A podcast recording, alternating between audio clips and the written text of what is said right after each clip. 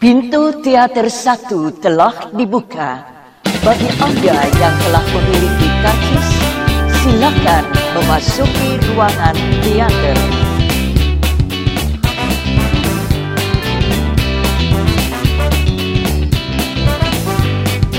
Ya, balik lagi di podcast Moviepedia. Ah, bro amat. Tadi pengen opening sendiri tapi openingnya ntar nada saja lah. Bersama gua di sini Haji Sultan selaku produser Moviepedia bakal nemenin kalian di podcast Moviepedia pastinya. Dan sekarang gua nggak bakal ngomongin film nih sekarang. Di episode kali ini kirain gua bakalan satu naungan sama Instagram. Ternyata beda. Oh, berarti ini episode 2 dong ya. Kemarin episode 1 udah malah saya belak-belakan kemarin episode 4. Aduh, ya ampun. Ya udah deh, nggak apa-apa dah. Biarin dah. Ya, di sini gua bakalan ngomongin tentang ini idenya dari Yuni Puspita Dewi nih. Hmm, apa ya namanya lupa gue bentar. Mendikbud menggandeng Netflix untuk mengembangkan industri perfilman Indonesia. Wah, wow, sangat sekali ya Mendikbud, Kemendikbud loh, Kemendikbud loh. Menggandeng loh, menggandeng ini, menggandeng Netflix. Netflix proper film bagus-bagus tuh kan. Ya saya tahu lah film-film Indonesia yang ada Netflix itu apa entah saya sebutin satu-satunya. Kenapa sih Mendikbud pengen gandeng Netflix itu? Siapa yang peloporin ya? Hmm. Eh bentar bentar bentar. Ada tulisan yang bagus nih di IG-nya. Di IG di IG potongan film. Nih saya bacain dulu captionnya. Belum lama ini, penggemar film dikecewakan Menkominfo karena telah memblokir situs streaming ilegal paling populer di Indonesia.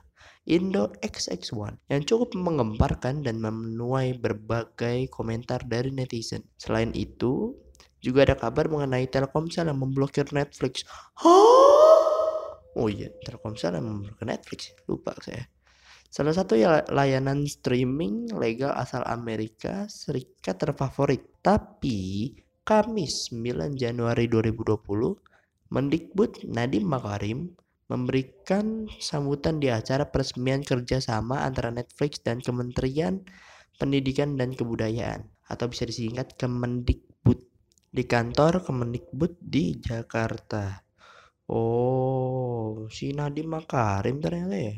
Nah, lebih jelasnya lagi kita ke situsnya aja. Dari situs tabloid pulsa. Situs-situs kayak gini namanya tabloid pulsa, bukan jualan pulsa, malah nyebarin berita. Aduh, ya ampun. Ya tapi nggak apa-apa. Kita sekarang pakai situs-situs yang susah dipercaya aja dah. Ini kata pengamat soal Netflix dan Mendikbud Nadiem Makarim. Netflix menjadi topik trending di pekan pertama awal tahun 2020 bahkan di kalangan regulator dan B2B. B2B apaan? Pensil. Jadi bahasan hangat setelah pihak Netflix mengelontorkan investasi sebesar, sebesar 1 juta US dollar atau sekitar 14 miliar, miliar untuk mengembangkan industri perfilman Indonesia. Wah, gila loh. Sampai 1 juta US dollar Netflix tuh. Menggelontorkan investasi. Akan jadi berapakah 1 juta dolar itu? Murah atau lebih nggak tahu sih. Investasi yang disalurkan melalui Kementerian Pendidikan dan Kebudayaan RI tersebut dianggap merugikan. Pasalnya, langkah yang diambil oleh Mendikbud Nadiem Makarim dengan menggandeng Netflix tersebut dinilai sejumlah pihak tidak menegakkan sejumlah regulasi yang seharusnya dijalankan oleh platform streaming itu sebelum berbisnis di Indonesia. Ini ada omongan dari Direktur Indonesia ICT Institute Heru Sutadi di Jakarta. Mas Nadiem, harus diingatkan kalau sekarang adalah pejabat publik, bukan lagi pengusaha. Sebagai pejabat publik, ada regulasi yang harus ditegakkan dan wibawa bangsa yang dijaga.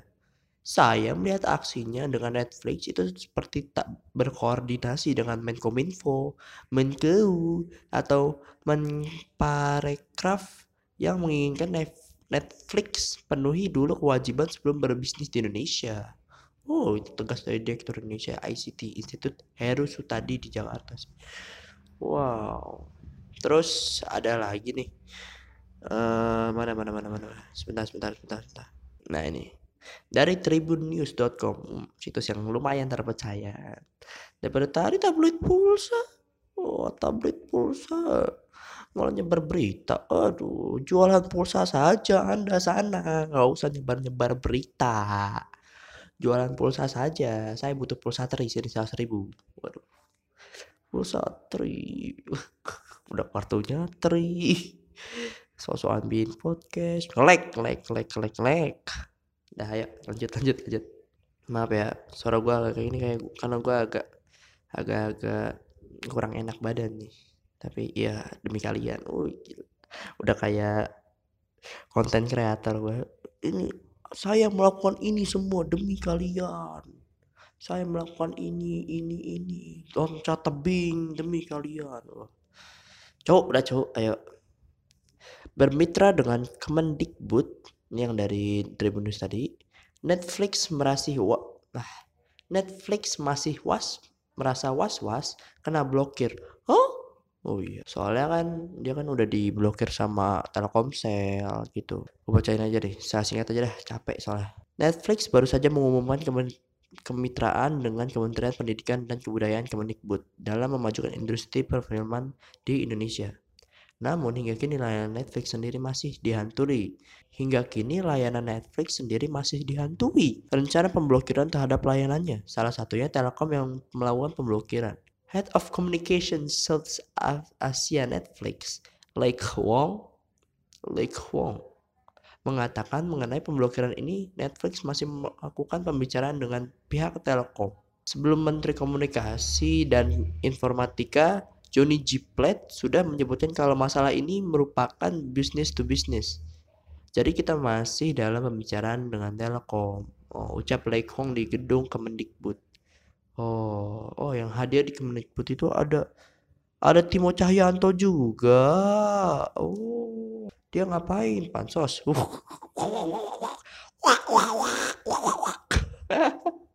Tetapi Netflix hingga ini saat ini memberikan informasi mengenai pembicaraan dengan Telkom mengenai mengenai apa sih?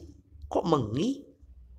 Mengenai mengenai pemblokiran layanan yang dilakukan kita pasti akan share kalau ada update mengenai hal tersebut, ujar Lake. Hah, gua ngerti, gua ngerti. Aduh, maaf.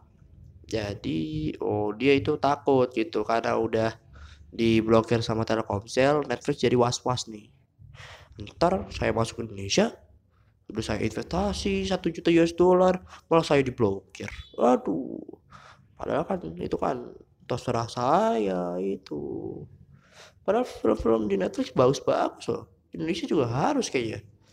Indonesia juga ada kan film-film bagus yang masuk ke Netflix kan ya. Salah satunya kan itu, Night Come For Us tuh. Saya inget banget tuh.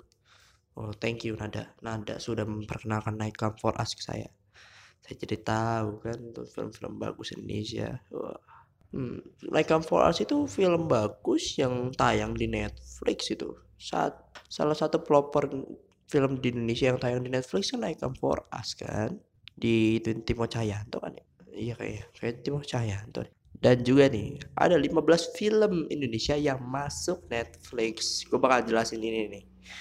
Karena biar kalian informasi buat kalian aja sih gue bakal jelasin ini sekalian gue closing. Karena ini kata nada kata si nada tuh kalau nada operator ngomongnya Ci 20 menit aja. Maksimalin 20 menit aja maksimal paling maksimal waktu paling maksimal 20 menit aja. Jangan dibanyak-banyakin lagi. Gue bilang kan aduh ya ampun nat nat. Kalau 20 menit doang mah gue mah cuma cerita satu satu pembahasan doang nat. Emang kan bahasanya kan ini kan berakar-akar ini harusnya harus satu jam.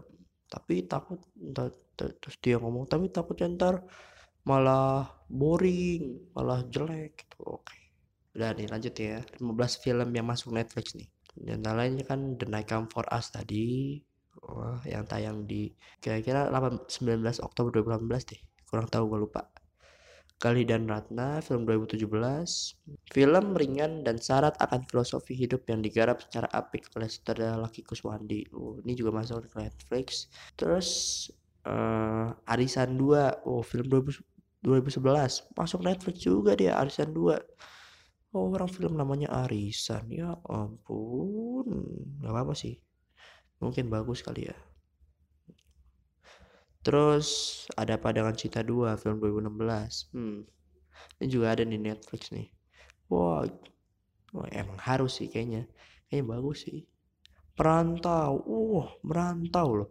Perantau sampai ada di Netflix. Film tahun 2009, gila. Best film dalam ajang International Action Fest ada di Netflix.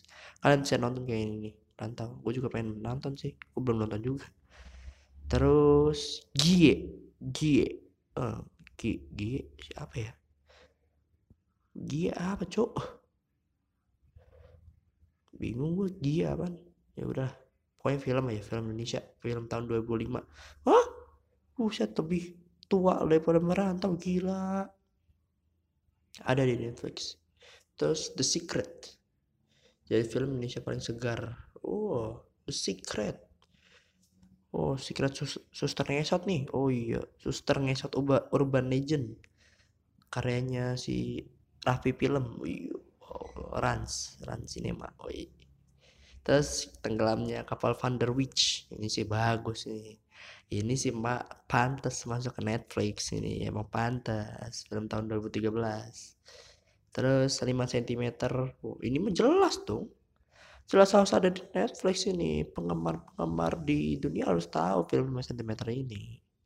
Terus sang pemimpi film 2009 oh pemainnya mau jadi Ayu udah tahu sang pemimpi ya? Oh emang iya. Ya. terus Atira film 2016 Atira hmm yang di apa? Sutradarai oleh oleh Riri Riza. Oh Atira gue gak tahu ya. Terus The Third Eye atau Mata Batin. Mata Batin ada di Netflix ya. Wow filmnya Jessica Mila loh. The Third Eye. Gila. Terus filosofi kopi uh, Cahaya dari Timur Beta Maluku single wow filmnya Raditya Dika ada ternyata di Netflix oh ya dia kan menang eh itu ya masuk ke ajang Indonesia Box Office Movies Award terus yang terakhir bukan yang terakhir sih uh, Surat dari Praha. Terus ada lagi film namanya Sebelum Iblis Menjemput juga ada tuh di Netflix tuh. Oh, itu film bagus juga tuh Sebelum Iblis Menjemput. Film buatannya Timo Cahyanto juga. Pokoknya film-film buatan Timo Cahyanto bagus-bagus deh. Film Timo Kimo Stambul gitu. Bahkan dia kan katanya kan uh, mau membuat film itu kan si buta dari gua hantu Oh iya dan juga itu apa namanya? Sebelum Iblis menjemput ayat 2 udah ada kan timelinenya. Pengen reels juga tahun 2020 ntar. Ya sih. Oke, mungkin segitu aja yang bisa gue kasih informasi kalian. Terus buat Kemendikbud yang menggandeng Netflix untuk Indonesia itu bagus sarannya, bagus banget sih. Untuk mengembangkan industri perfilman Indonesia. Tapi saran gue juga nih buat Kemendikbud kayaknya nggak usah deh kalau sampai dibatasin banget gitu kan kan semua orang kan butuh berkreativitas gitu ber, butuh berkreasi gitu buat mengembangin sebuah actionnya dia sebuah perasaannya dia ketuang di film itu. Biar perasaan itu nyampe. Seperti kata NKCTHI dulu apa yang dilakukan dari hati pasti nyampe ke hati yang lain.